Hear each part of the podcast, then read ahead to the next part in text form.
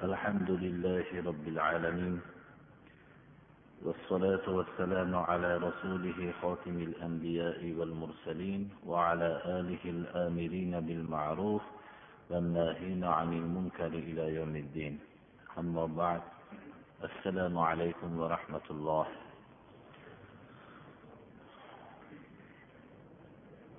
qur'oni karimdan bo'lgan avvalgi darsimizda nikohi harom qilingan ya'ni mahramlar haqida qisman dars qilgan edik. Mahramlar qisqacha qilib aytganimizda qur'oni karimdagi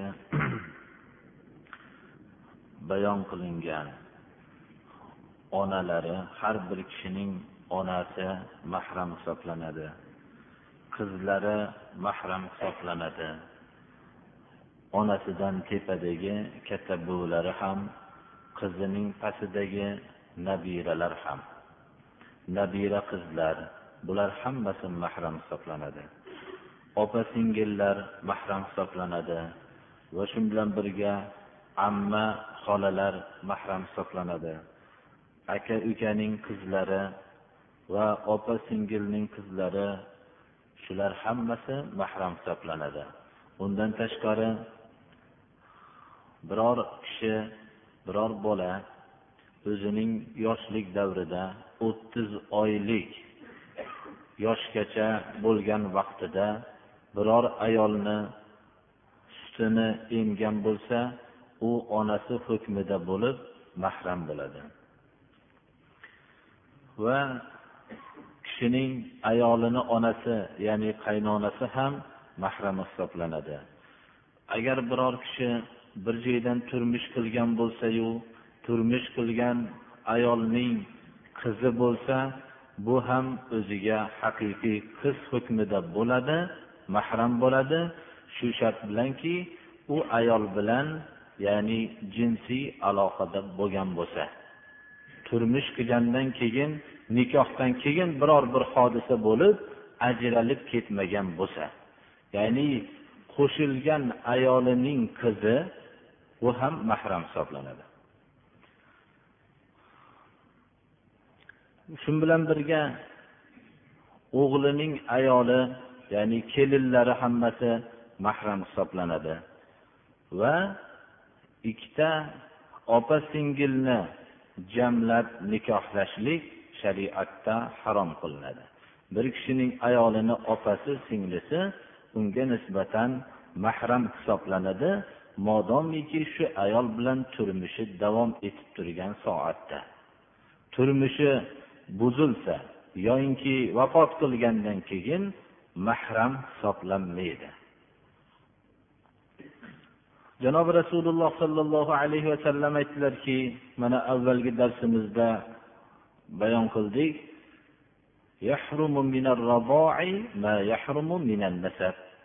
nasab bilan qaysi ayollar mahram bo'lgan bo'lsa nikohi harom bo'lgan bo'lsa razoan ya'ni emishgan suratda ham bular mahramga aylanadi dedilar.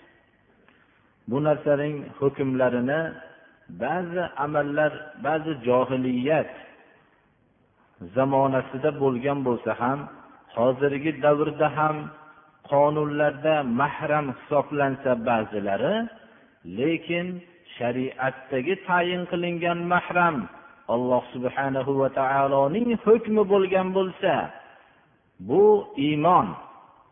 Ammo boshqa qonunlardagi mahram deb bayon qilingan narsalar insonlar tarafidan tuzilgan yo'lni qabul qilishlikdir. Bu iymon emas.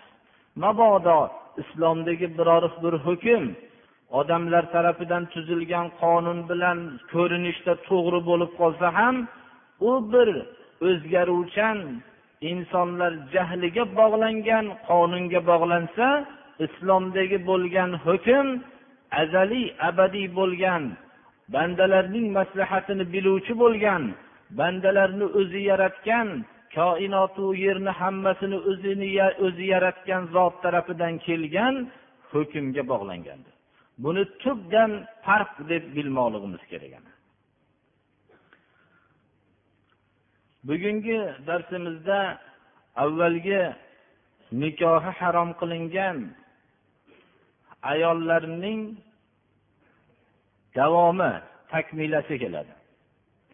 Avvalgi nikohi harom qilingan mahramlar bular bir zotiy bo'lsa bu keyingisi ham bayon qilingan nikohi durustmas bo'lsa ham lekin vaqtincha durustmas bo'ladi.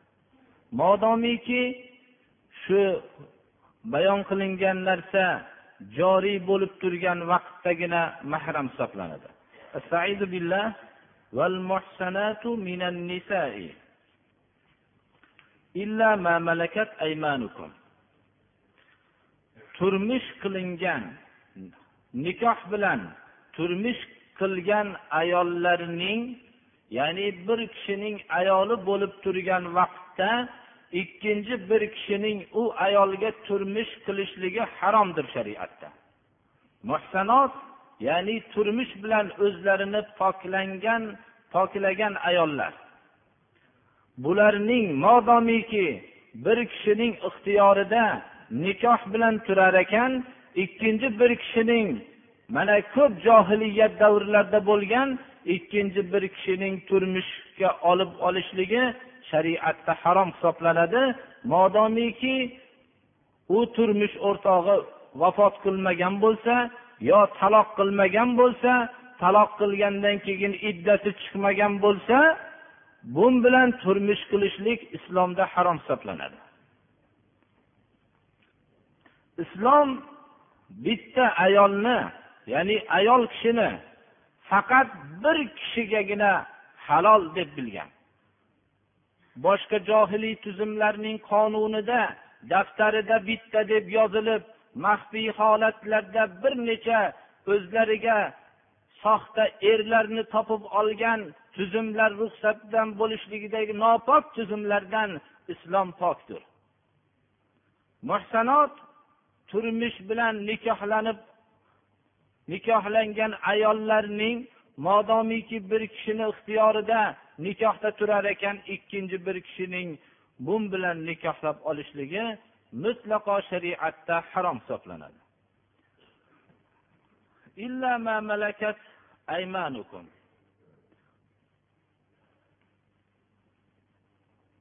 Malakat aymanukum bu mazmunni biz avvalgi darslarimizda ham bayon qildik. Hozir ham bir qisqacha bayon qilishligimiz zarurdir. Bu oyatni tushunmoqligimiz uchun. Islom biror bir joyga zulman kishilarning majburiy suratda aqidasiga majbur qilgan emas. Islom alloh subhanahu va taolo tarafidan kelgan yo'l. Bu yo'l biror bir kishi u yo'lni tuzishlikda sharik bo'lgan emas. Yagona alloh subhanahu va taolo bu yo'lni bandalarga jo'natgan. Shuning uchun insonlar modomiki insonlar tarafidan bo'lmagan yo'l bo'lar ekan yaratuvchilari tarafidan bo'lgan yo'l bo'lar ekan bu yo'lni qabul qilishliklari majburdir. Bu yo'l biror bir insonni yo'li emas. Shuning uchun islom o'zining da'vat erkinligini atrofga tarqatishlikda bu da'vat yo'lini to'sadigan zolimlarga jihod e'lon qiladi. Bu jihodda albatta tajovuzkor dinga qarshi bo'lgan dinni yo'lini xalqlarning eshitish yo'llarini to'smoqchi bo'lgan kishilarga jihod e'lon qilgandan keyin islom kishilari ham qurbon bo'ladi. Dinsiz bo'lgan kishilar ham ular ham o'lishadi. Shu vaqtda tabiiyki kofirlar ham musulmonlarni asir qiladi musulmonlar ham kofirlarni asir qiladi. Kofirlar musulmonlarning xohlagandaqa azob beradi. Chunki ular bir ilohiy qonunga bog'liq bo'lmagandan keyin ular qo'llaridan kelgan hamma zulmni xoh kishiga asir bo'lsin asir bo'lsin kishi yo asir bo'lmasin bularni qiladi. Lekin asir bo'lib zaif bo'lib turgan suratda ularning zaif kishiga rahm qiladigan qalblarida iymon bo'lmagandan keyin rahm qilish sifati mutlaqo topilmaydi. Ana shu holatlarda tabiiyki ayollar ham muslima ayollar ham jihodga chiqishgan vaqtlarda kofir kishilarning qo'lida asira bo'lib qolishlari mumkin. Shu bilan birga mo'minlar qo'lida ham kofira ayollar asira bo'lib qolishlari mumkin. Ana shu vaqtda islom o'zining qo'l ostidagi qullarga mehribonlik qilishlik bilan boshqa yo'llardan farq qiladi. Tarix buni tamoman isbotlagan. Tarixda asir bo'lgan kofirlar biror bir musulmon kishidan zulm topgan emas.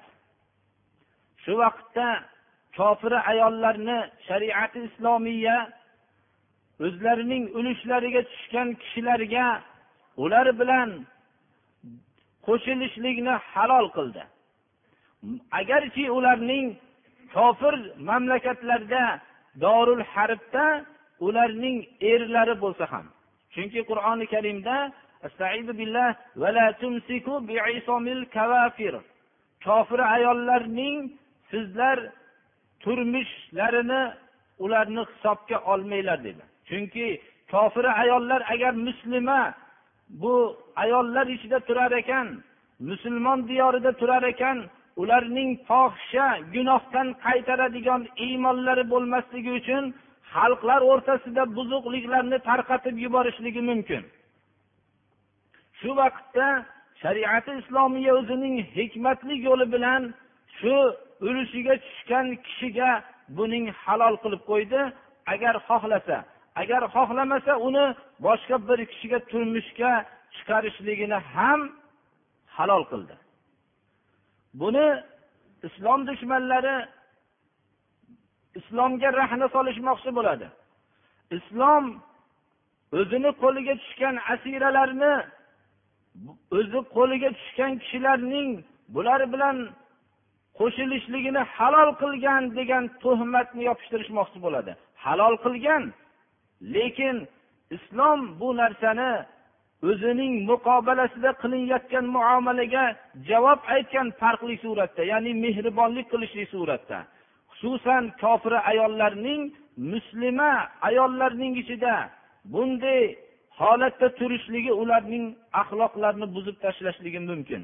Shuning uchun bo'lsa kerak alloh subhana va taolo turmushda turgan ayollarning nikohi durust emas magar asira bo'lib qo'lga tushgan kofir ayollar bo'lsa bularni agarchi dorul harbda turmush o'rtoqlari bo'lsa ham ulushiga tushgan kishi uchun halol qilib qo'yganligini istisno qilyapti.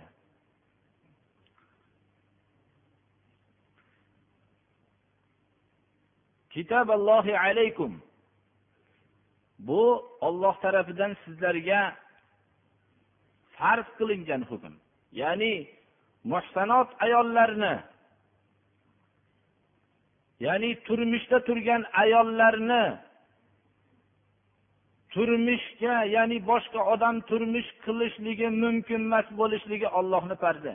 Bizga aytishligi mumkin ba'zi kishilar bu hukm boshqalarda ham bor boshqalar ham biror bir ayolning o'zini turmush o'rtog'i bo'lganda boshqaga turmushga chiqishligini qonun ham man qilgan deb bizga agar e'lon qilishmoqchi bo'lsalar biz ularga e'lon qilamizki u sizlarning e'loninglar o'zinglarga o'xshagan kishilar tarafidan tuzilgan qonunni qonuni? Bizning yo'limiz bo'lsa insonlarni yaratuvchi bo'lgan alloh subhanahu va taoloning hukmi kitaballohi alaykum sizlarga ollohning bu farz qilgan hukmidir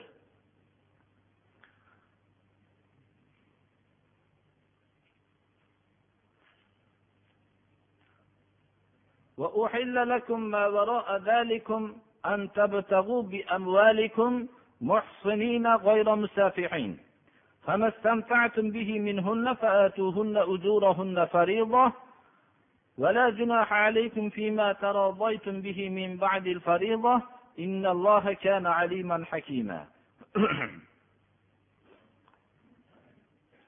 bundan tashqari bo'lgan ayollarning nikohi sizlarga halol qilindi.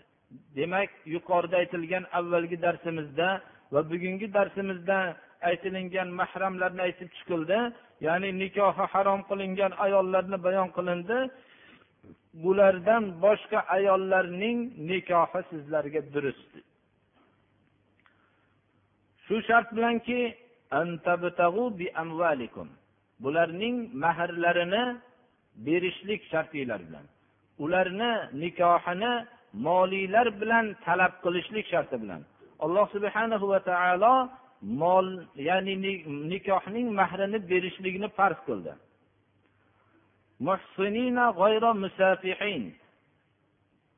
Shu yerda ularning nikohini halol qilinganligi moliylar bilan talab qilmoqliginglar degan kalimadan buzuq yo'llarda yurgan kishilar o'zlarining buzuqliklarini ham mollari bilan hosil qilishganligi uchun shu narsaning hayoli kelib qolmasligi uchun alloh subhanahu va taolo muhsinina sizlar nikoh bilan turmush qilish qilgan holatinglarda mahr bersanglar.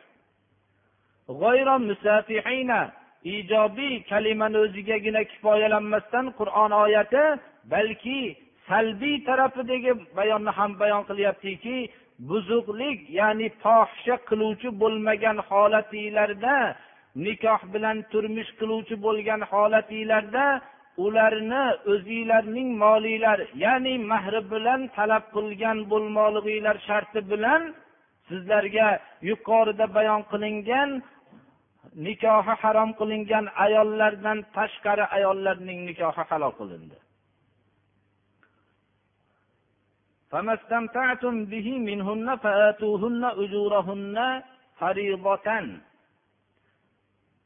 sizlar modomiki bergan mahriylar bilan foydalanar ekansizlar bu ayollardan foydalanar ekansizlar turmushda foydalanar ekansizlar.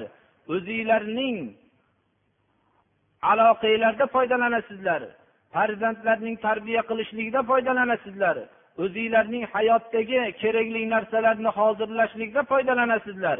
Modomiki shunday bo'ladigan bo'lsa ularning haqlarini ularning mahrlarini beringlar. Faribotan lekin buni mahrlarni berishlik alloh subhanahu va taolo tarafidan farz qilingan hukm. Bu ixtiyoriy xohlasa bersa xohlamasa bermaydigan hukm emas. Yoyinki berishlik yaxshi bo'lgan hukm emas. Berishlik lozim bo'lgan vojib bo'lgan alloh subhanahu va taolo tarafidan farq qilingan hukmdir.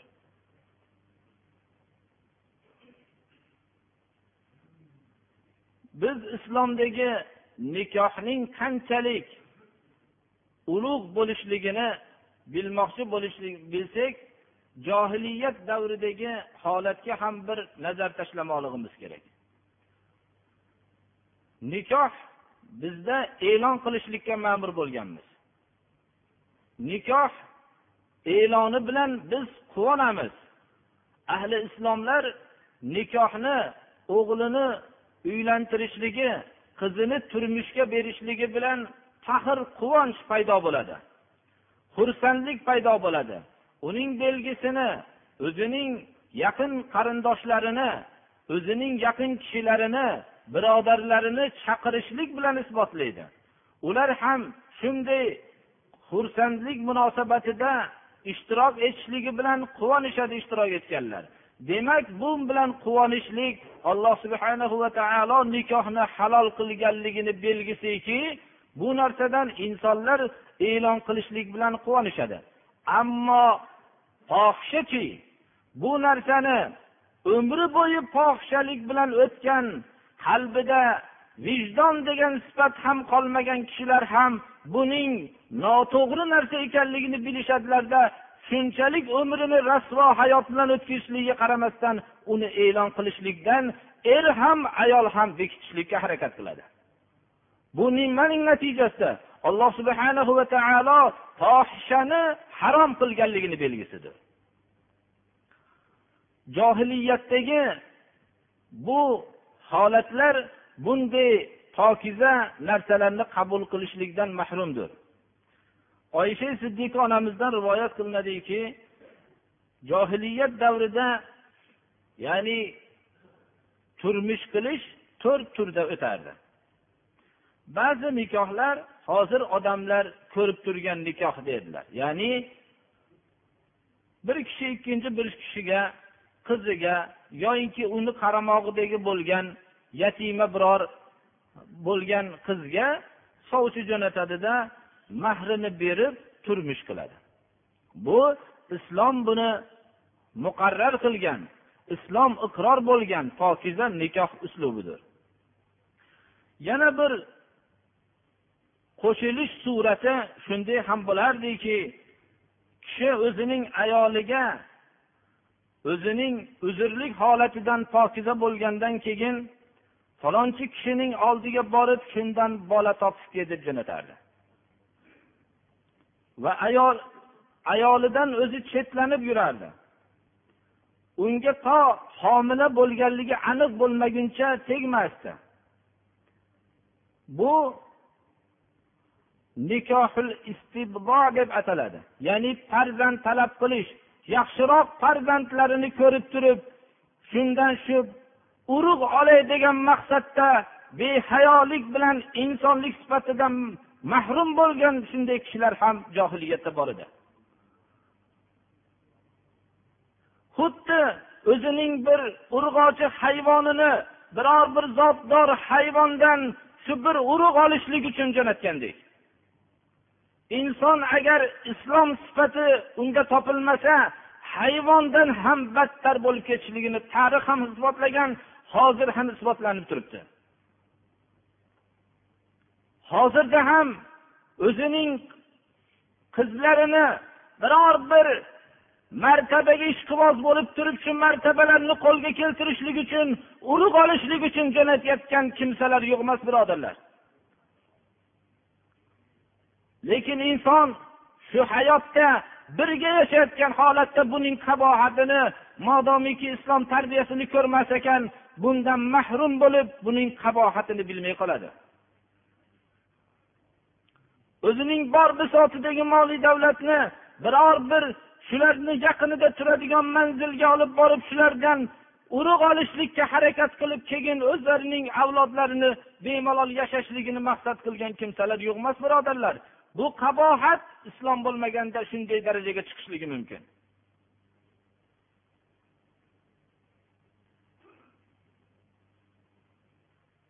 Nikoh ya'ni turmush qilishini yana biz turmush degan ta'bir bilan aytyapmiz o'zining fohisha amalini deb aytsak ta'birimiz durustroq bo'ladi. Shunday fohisha amalini bajaruvchi kishilar bor edi johiliyat davrida o'ntadan ko'ra pastroq kishilar jamlanib biror bir ayolning oldiga kirishardi. O'zlarining shahvoniy quturishlarini shu yerda o'tashardida agar homila bo'lib qolsa homila bo'lib farzandini tuqqandan keyin hammalarini chaqirardi. Bu ularning johiliy qonunlarida shu kelgan kishilarning birortasi bosh tortishlikdan bosh tortishlikka haqlari yo'q edi. Kelgan vaqtda nima ishlar o'tganligini hammanglar bilasizlar. Demak bu farzand falonchuniki deb o'zi xohlagan kishini aytardi u bosh tortishligi mumkin emas edi. Shu bilan shu farzand shuniki bo'lib johiliy qonunlarda shunday bo'lib qolardi. To'rtinchisi butun fohisha bilan shug'ullanuvchi ayollarning hamma johiliyatda qilayotgan suratidagi suratida. Ana inson alloh subhanahu va taolo tarafidan bo'lgan qonunga bo'ysunmasa uning holati qanday achinarli bo'lib qolishligini shundan bilsak bo'ladi.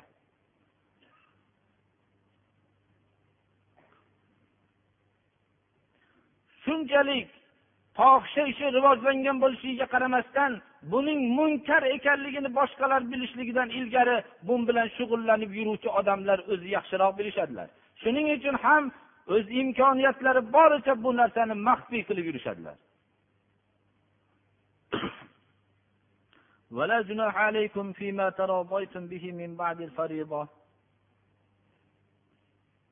sizlarga gunoh yo'q mabodo turmush qilayotgan vaqtinglarda turmush qilib mahrlarini berganinglardan keyin olloh farz qilgan vazifani o'taganinglardan keyin o'zaro mahrning miqdorida kelishib ayol kishi menga bu mahrdan ko'ra ozrog'i ham bo'ladi deb aytsa shunda mahrning bir qismini qaytarib bersa yoyinki kuyov aytsaki men mahrni tayin qilindiyu bu miqdor oz edi men ko'proq berishim kerak deb ko'proq bersa rozi bo'lib kelishilgandan keyin farz mahr o'talgandan keyin sizlarga bunday o'zinglarga nisbatan yaxshi munosabatda bo'lib mahrni xoh u tomonning kamaytirishligi xoh kuyov tomonidan ko'paytirishligida hech qanday gunoh yo'q deyapti alloh taolo.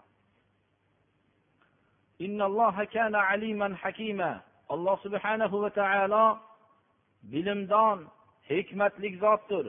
Insonlarning qalbini biladi. Mahr tayin qilingandan keyin ayol kishining qalbiga kelishi mumkinki falonchixonlarning mahri ko'proq bo'lgan ekan menga berilgan mahr ozroq bo'lib qoldi degan qalbiga kelib qolishligi mumkin. Olloh buning qalbini bilib turibdi. Shuning uchun ba'zi mahrni ko'proq bo'lishligini talab qilib kelishligida sizlarga gunoh yo'q deyapti. Er kishini hayoliga ham bo'lishi mumkinki menga solingan mahr ko'p bo'ldi bir ozgina talab qilib ko'rsam ozaytirishlik mumkinmikin degan hayolidan kelib qolgan hayolotlarni olloh bilib turuvchidir. Insonlarning qalbidagi hayollarni bilib shularga muvofiq yo'lni tuzishlik bilan hakim bo'lgan zotdir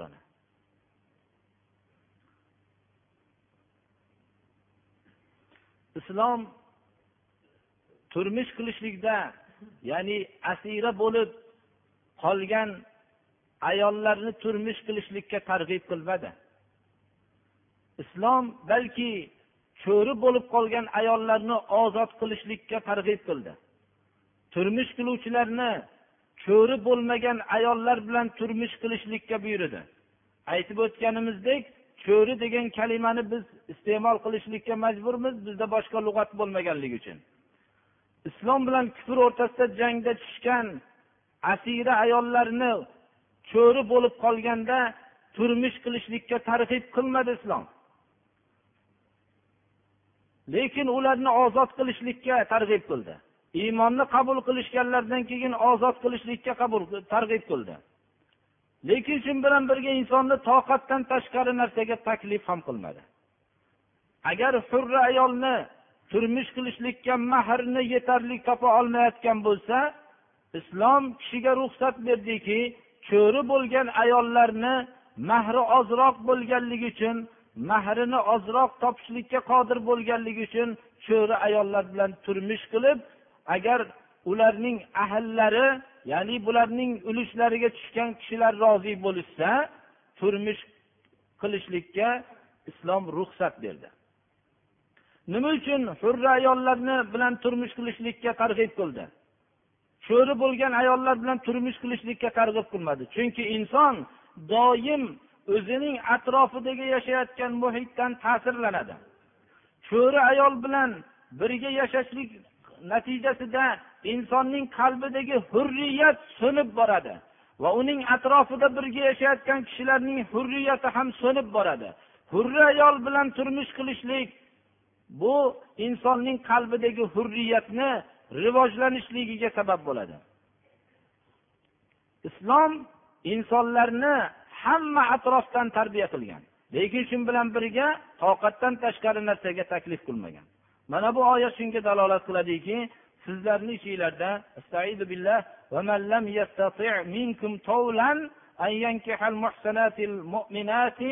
فمما ملكت أيمانكم من فتياتكم المؤمنات. والله أعلم بإيمانكم بعضكم من بعض. فانكحوهن بإذن أهلهن وآتوهن أجورهن بالمعروف محصنات غير مسافحات ولا متخذات أخدان. فإذا أحصن فإن أتين بفاحشة فعليهن نصف ما على المحصنات من العذاب ذلك لمن خشي العنة منكم sizlarni ichinglarda muhsanot bu yerdagi muhsanot haroir ya'ni hurralar hurra ayollar bilan mo'minot hurra ayollar bilan turmush qilishlikka qodir bo'lmasa ya'ni shunga yetadigan mahrga qodir bo'lmasa alloh subhanahu va taolo ruxsat beryaptiki cho'rilar bilan turmush qilishlikka ruxsat. Lekin ularni biz arab tilida fatayat deyilyapti cho'ri deyilmayapti. Iymonlik bo'lishligini ham shart qilyapti. Iymonlik ya'ni biz baribir cho'ri deb tarjima qilishlikka majburmiz o'zinglarning iymonlik cho'ri qizlarni turmush qilishlikka ayollarni turmush qilishlikka ruxsatdir. Olloh sizlarning iymoninglarni bilib turuvchi lekin iymonni shart qilyapti. Iymoninglarni bilib turuvchi sizlarning qalblardagi demak iymoninglarni bilib turuvchi sizlar ham cho'ri bo'lsa ham ilojsiz turmush qilayotgan vaqtinglarda mo'mina bo'lishligiga harakat qilmoqliginglar kerak. Chunki islom nikohni mashru qilishlikdan faqat insonning hayvoniy jinsiy lazzatini hosil qilishliknigina maqsad qilgani yo'q.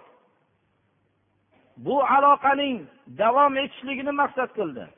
Insonni hayvonga o'xshagan o'zining jinsiy maqsadini o'tagandan keyin aloqasi uzilgan bo'lib qolishligini rozi bo'lmadi insonni. Insonning balki butun aloqasining davom etuvchi bo'lishligini xohladi.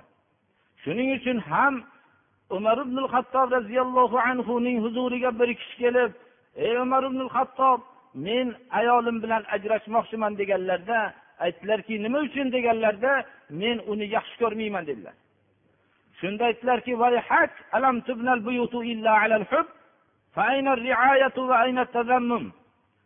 uylar faqat muhabbat asosiga qurilganmi? O'tkinchi bu jinsiy lazzat asosiga qurilganmi? Uylar vazifalarni o'tashlik asosiga qurilgan. Qayerda bu xonadondagi boshqa vazifalarni o'tash qayerda qoldi dedilar. Ana hozirgi vaqtdagi bizlarning yo'limizni masxara qilgan yo'llar hammasi muhabbat bilan turmush qilishib ularning muhabbatlari bir necha oyga ham yaramayotganligini ko'ryapmiz. Nima uchun ajralyapti? Chunki undan ko'ra ko'rinishi yaxshiroq bir narsani ko'chada ko'rganligi uchun u bu oilani har qancha farzandlari bo'lishligiga qaramasdan chunki uning asli turmush qilishlikdan maqsad unda hayvoniy lazzatdan boshqa narsa yo'q edi. Shuning uchun ham ro'barasida turgan farzandlar unga hech qanday ahamiyatsiz bir narsa bo'lib ko'rinadi.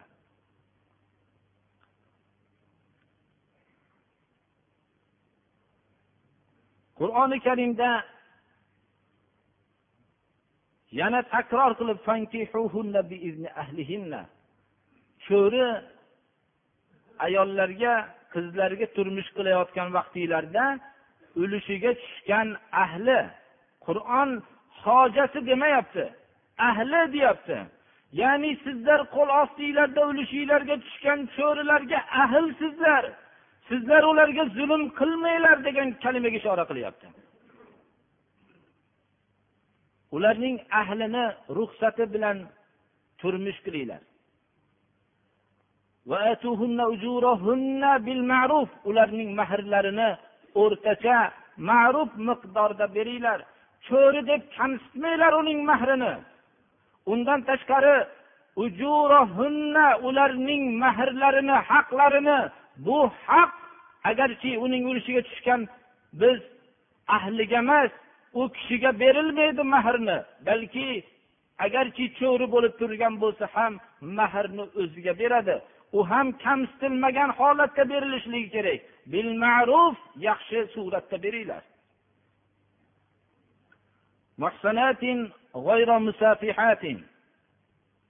Bular muhsanot ya'ni o'zlarini turmush bilan himoyalangan holatlarida olinglar. Ya'ni bularni nikohlab olinglar. Bularning haqlarini berishlik emas balki bu bilan turmush nikoh ham shartdir.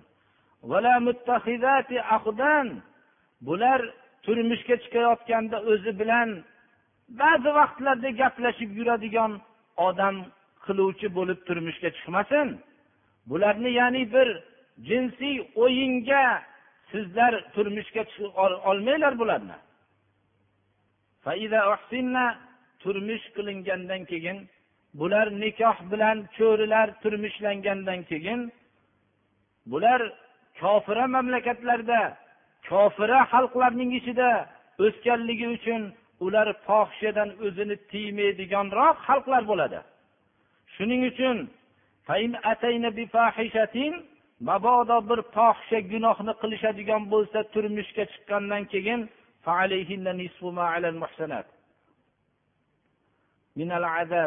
ya'ni pokiza hurra ayollarga lozim bo'lgan azobning yarmini ularga joriy qilinglar.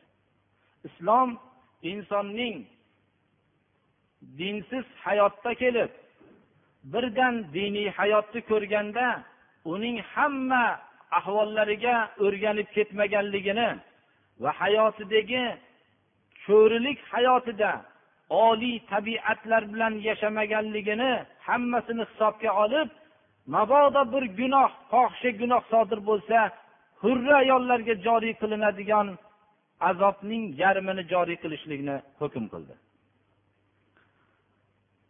Bu albatta taqsim qilinishligi mumkin bo'lgan hukmlardir mabodo turmush qilgan ayol turmush qilgan kishi olloh saqlasin fohisha gunohni qiladigan bo'lsa uni toshbo'ron qilib o'ldiriladi har ikkalasini.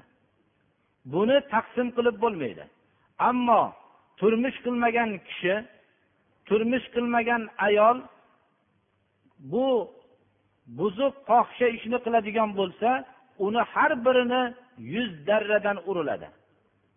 Mabodo endi turmush qilgandan keyin cho'ri agar buzuq fohisha ishni qiladigan bo'lsa bu turmush qilmagan ayolga joriy qilinadigan azob ya'ni yuz darraning yarmini joriy qilinadi. Chunki yuz darrani buni yarmiga taqsim qilishligimiz mumkin.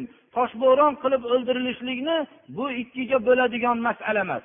Shuning uchun ikkiga bo'lishlik mumkin bo'lgan masaladan fuqarolarimiz shuni chiqarishganlarki demak cho'ri ayol buzuq fohisha ish qiladigan bo'lsa ellik darra uriladi islom uning mana aytib o'tganimizdek xorroq hayotda chunki cho'ri bo'layotgan bo'lib yashagan kishi o'zining oliy oiladan bo'lmaganligi uchun u aka ukalari ota onalarini rioya qilmaydigan hayotda bo'lganligi uchun undan hijolat bo'lishlik bo'lmaydi. Ammo hurra ayollar bunday buzuq ishdan tiyilishlikda ollohdan qo'rqib tiyilishsalar bir tarafdan ikkinchi tarafdan ota onalarining oliy tabiat bilan o'sganligini ko'rib aka ukalarining oliy tabiat bilan o'sganligini ko'rib ham bunday fohisha najas ishdan o'zini tiyib ham yuradi. Mana bu narsalarni sharoitlarda o'sgandan keyin fohisha qilsa uni haqiqatda ham toshbo'ron qilinishlikka loyiqdir. Ammo cho'rida bunday oliy tabiat bo'lmaganligi uchun islom uning zaifligini hisobga olib hatto og'ir bir gunoh qilganda ham hurra ayollarga joriy qilinadigan azobning yarmini hukm qildi. Lekin johiliy tuzumlardaqa qilmadi. Boshqa johiliy tuzumlarning agar nazar tashlaydigan bo'lsangiz qattiq azoblar faqat zaif bechoralarning ustiga tushadi. Sharafli kishilarning ustida bo'lsa bo'ladigan azoblarning mutlaqo tushmaydi mabodo tushsa ham yengillashtirib qo'yilaveradi. Bu tarixdagi johiliyatda ham shunday bo'lgan. Hozirgi johiliyatlarda ham shunday bo'lmoqda. Bu hind qonunlaridan barahmanlarning o'zlariga xos bo'lgan kitoblardan o'zlaricha ilohiy kitob deb hisoblashadilar.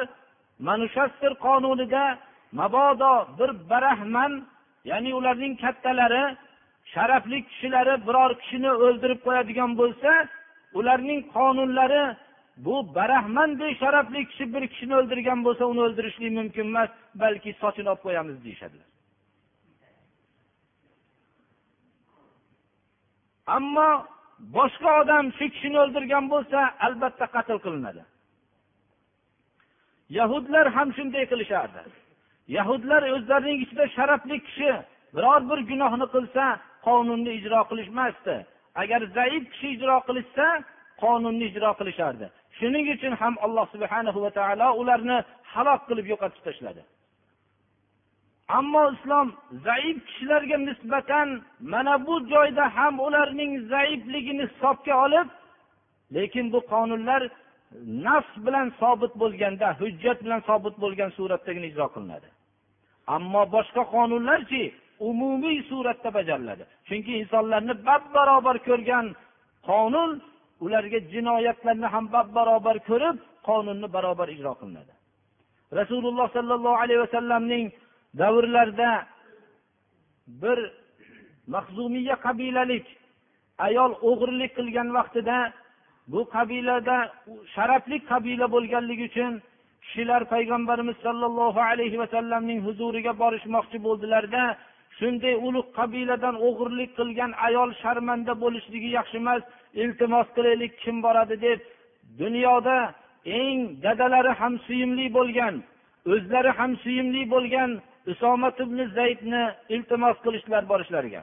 Chunki inson o'zi yaxshi ko'rgan kishining ro'barasida turgan vaqtida uning talabini qondirib qo'yadi. Bunday haqiqiy qonunni ijro qilishlikdan faqat payg'ambarlar va ularning yo'liga ergashgan kishilargina salomat qolishligi mumkin. Hib bo'lgan usomat ibn zaydni jo'natdilar.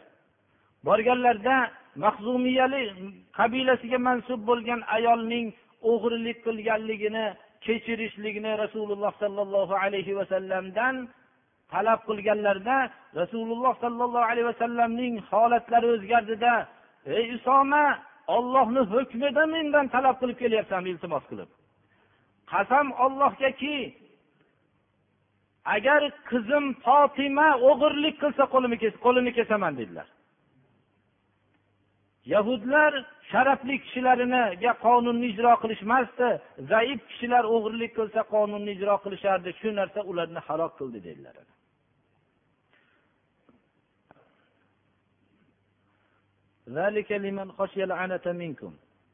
Bu cho'rilarga turmush qilishlik o'zi sizlarni ichinglardan biror bir mashaqqatdan tashvish qilgan kishilargagina xos. Ya'ni biror fitnaga aldanib qolarmikinman mendan bir fohisha gunohi sodir bo'lib qolarmikin deb qo'rqqan kishilargagina xos hukmdir bo'lmasam sabr qilib ular mahr topguncha sabr qilishib hurra ayollar bilan turmush qilishlikka harakat qilmoqlilari kerak. Sabr qilib to mahrni komil topguncha sabr qilmoqliginglar o'zinglar uchun yaxshidir. Sizlar faqat turmushni nikohni jinsiy lazzatgina deb tasavvur qilmanglar balki buning ichida juda ko'p butun umr bo'yi nasl qiyomatgacha bo'lgan nasliylar qoladigan ayolni tanlayotganliginglarni esinglardan chiqarmanglar. Sizlar uchun bu sabr qilib turishinglar o'zinglar uchun yaxshidir. Vallohu g'afurur rahim olloh kechiruvchi mehribon zotdirki o'zi bandalarning gunohlarini kechirib ularga mehribonligidan ularning adashmaydigan yo'lni ularga jo'natdi.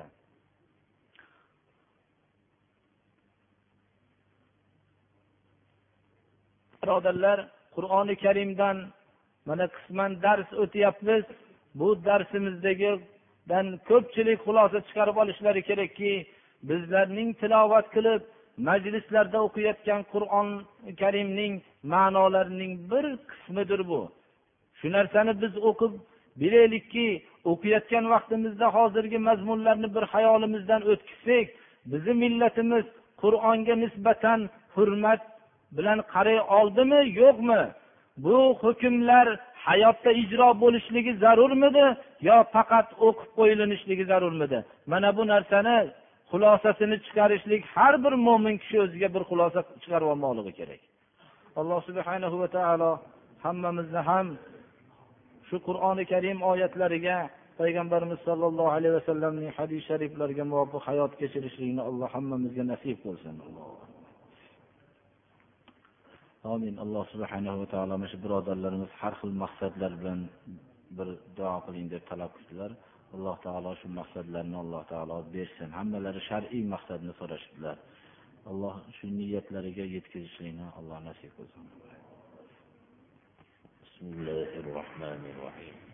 اللهم تقبل منا هذه الصلاة واعف عنا مع جميع نقصاناتها بفضلك وكرمك يا أكرم الأكرمين. ويا أرحم الراحمين. اللهم يسر لنا أمورنا أمور الدنيا والآخرة وأجرنا من خزي الدنيا وعذاب الآخرة. اللهم استرنا بسترك الجميل. اللهم احفظنا يا فياض من جميع البلايا والأمراض. اللهم إنا نعوذ بك من الكفر والفقر والجبن والكسل ومن فتنة المحيا ومن فتنة الممات ومن فتنة المسيح الدجال ومن فتنة عذاب القبر وأن نرد إلى أرض الأمر.